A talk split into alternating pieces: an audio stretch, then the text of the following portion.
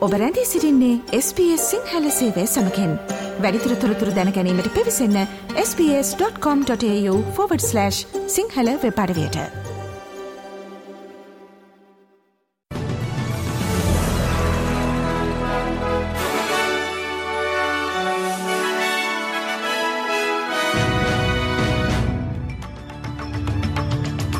අද දෙසැම්පර් මස පස්වනදා අඟහරුවාදා SBS සිංහල සේවේ ප්‍රෘතිගෙනන මම දිනේශා දිල්රුක්ෂී විජේසූරිය. ඔස්ට්‍රේලියාව සහ ප්‍රංශය අතර ද්විපාර්ශික සබඳතා අලුත් කරලීමේ නව ආරක්ෂික ගිවිසුමක් ඇතිකර ගැනීම සඳහා මුලපිරේ. විදේශමාත්‍ය පෙනීවොන් සහ ප්‍රංශ විදේශමාත්‍යවරී වන කැතරින් කොලෝනා විසින් මේ සඳහා එකඟතාවලට පැමිණ තිබේ. මෙම කිවිසුම් මගින් දෙරටේ හමුදාවනට අනිකාගේ පහසුකම් සඳහා ප්‍රවේශය ලබා දෙන අතර සන්නත හමුදා අතර ඒකාපත මෙහියුම් සඳහා පහසුකම් සැලසේ. දෙදහස් විසියක වසරේ හිටපු අගමැති ස්කොට් මොරිසන් විසින් ඇමරිකාව සහ බ්‍රතාන්‍ය සමඟ ඕකස් ආරක්ෂක කිවසුම ඇතිකර ගැනීම මගින් ඒ වන විට ප්‍රංශය සමඟ ඇතිකරගෙන තිබූ ඩොල බිලියන අනුවක සබමැරීන් ගණදුනුවෙන් ඉවත්වීමට තීරණය කිරීමත් සමඟ දෙරට අතර හොඳ හිත පලදුවිය.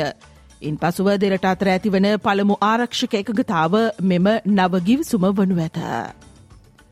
මෙරටට අනවසරේ නැතුළු වුණු සංක්‍රමණිකින් දිනනියමයක් නොමැතිව සංක්‍රමණ රැඳවුම් භාරය තබා ගැනීම නීති විරෝධී බවට මහධිකරණයෙන් තීන්දු වුණු පසු සමාජයට මුදාහල පුද්ගලින් දෙදෙනෙකු නැවත සමාජ විරෝධී ක්‍රියා සිදු කළ බවට චෝදරා එල්ල වෙයි.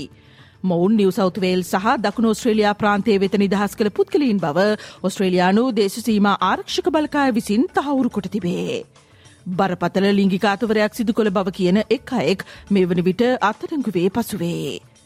මෙම සිදුවීමෙන් පසුව ආගමන කටයුතු පිළිබඳ අමාත්‍යය ඇන්ඩරු ජයිල් සහ ස්වදේශ කටයුතු අමාත්‍ය ක්ලයා ඕනීල් යන දෙදනාම ඉල්ලා අස්වේතු බවට විපක්ෂයේ ආගමන කටයුතු පිළිබඳ ප්‍රකාශක ඩෑන්ටෙහාන් නිවේතනී කුට සිටියේ. අනවසර සංක්‍රමණිකෙන් දිනනියමයක් නොමැතිව රඳවා තබා ගැනීම නීති විරෝධී ලෙසට තීන්දු කරන ලද මහාධිකරණ තීන්දුව සඳහා නීති සංශෝධන මේ සතියේදී ගෙනීමට මධ්‍යම රජය ක්‍රියා කරමින් සිටී. ඒ පිළිබඳ වැඩිදුර තොරතුරු අද අපගේ කාලීන තොරතුරු වික්‍රහයෙන් බලාපොරොත්තු වන්න. ඔස්ට්‍රේලියයානුවන් එදිනදා ජීවිතය ගැටකසා ගැනීමට අරගල කරන මොහොතක වාර්තාගත ලාභ ඉපීම සම්බන්ධයෙන් කෝල් සහ වූල්වර්ත් යන දැවන්ත සුපිරිවෙලන් සල් වගකිවයුතු බව ග්‍රීන් සෙනෙට් සභික නික් මැකිම් සඳහන් කරයි. ජීවන වියදා මාර්බුදයක් පවතින විටදී භාණ්ඩමිල ඉහළ දැමීම පිළිබඳ කරුණු විමසීමට වූල්වත් සහ කෝල් සැන සමාගම් සඳහා ග්‍රීන්ස් පක්ෂේ නායකත්වේ නුත් සෙනෙට් පරීක්ෂණයක් ඇඳවා තිබේ. වූල්වත් සහ කෝල් සැන සමාගම් දෙකම පසුගේ මාස දොළහ තුළ වාර්තාගත මට්ටමේ ලාභයක් උපයා ඇති අතර එය ඩොල බිලියන එකයිදශම එකක් ලෙසට සනිටුහන්ව තිබේ. සෙනෙට් සභික නික් මැකිම් පවසන්නේ මෙතරම් දුෂ්කර ආර්ථික කාල පරිච්චේදයක් තුළ ඔවුන් මේ සිදු කර ඇත්තේ කෙසේද යන්න පිළිබඳව සෙනෙට් කමිටුව හමුවේ පැහැදිලි කළ යුතු බවයි. Ultimately, we have a situation in this country where there is this massive concentration of market power in the hands of the big corporate supermarket giants, and it's time that they were pulled down a peg or two, and it's time that they were forced to explain how they can justify making billions of dollars in profits while millions of Australians are struggling to be able to afford the essentials of life. තම ගණදනකරුවන්ට online බැංකු ගිනුම් වෙත ප්‍රවේශවීමට නොහැක වූ ගැටලුව විසඳා ඇති බව වෙස්පැක් බැංකුව සඳහන් කරයි. අද අලියම පහට පමණ පාරිභෝගිකයෙන් හට නැවත සිය ගිනුම් වෙත ප්‍රවේශවීමට හැකි වූ බව බැංකුව සඳහන් කරයි. ඊයේ රාත්‍රියයේ සිට වෙස්පැක් ගිනුම් පරිශීලකීන් හට තම ජංගමදුරකතන ඇප් සහ වෙස්පැක් වෙබ් අඩ විභාවිතයෙන් තම බැංකු ගිනුම් සඳහා ප්‍රවේශවීමේ හැකියාව ඇනහිට තිබින. ශ්‍රී ලංකාවින් වාර්තාාවන ප්‍රවෘති අද මෞබිමෙන් පුවත් විශෂාන්ගෙන් බලාපොරොත්තු වන්න. ඉන්දුනීසියාවේ බටහිර සුමාත්‍රාහි මරාපී ගිනිකඳ පුප්‍රායාමෙන් පසුව එහි සිටි සංචාරකයෙන් පිළිබඳව දැවන්ත අවධානමක් මතුව තිබේ. මේ වන විට කඳුනගින්නන් එකොළොස් දෙනෙකුගේ සිරුරු සහ දිවි ගලවාගත් පුද්ගලයෙන් තිදෙනෙකු ස්වාගත් බව ඉන්දුනේසියානු ගලවාගැනීමේ කණ්ඩායම් තහවුරු කොට තිබේ. පිපිරීම සිදුවන අවස්ථාවේ කඳුනගින්නන් හැත්තෑ පස්තෙනෙකු එම ප්‍රදේශය සිටි බව වාර්තාවේ.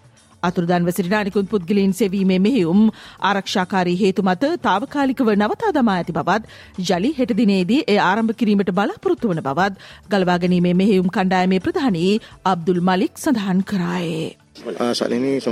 At this time, we can see night is approaching. We fear there may be further eruptions, so for the safety of the entire joint search team, we will stop and continue tomorrow morning.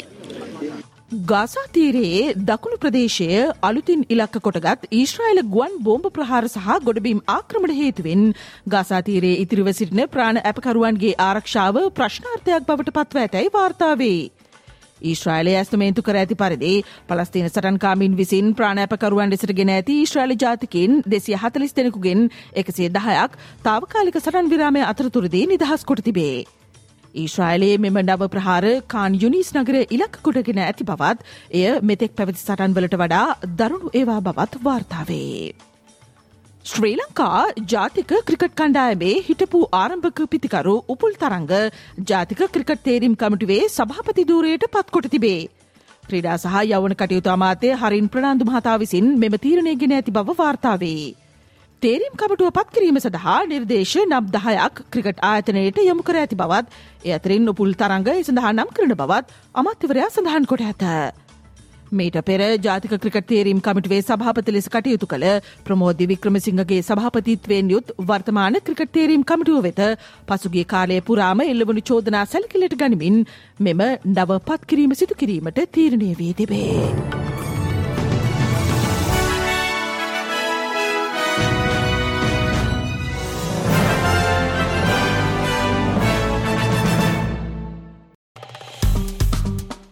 ලයි කරන්න share කරන්න අදහස් ප්‍රකාශ කරන්න SBS Sinhala Facebook පිටුව follow කරන්න.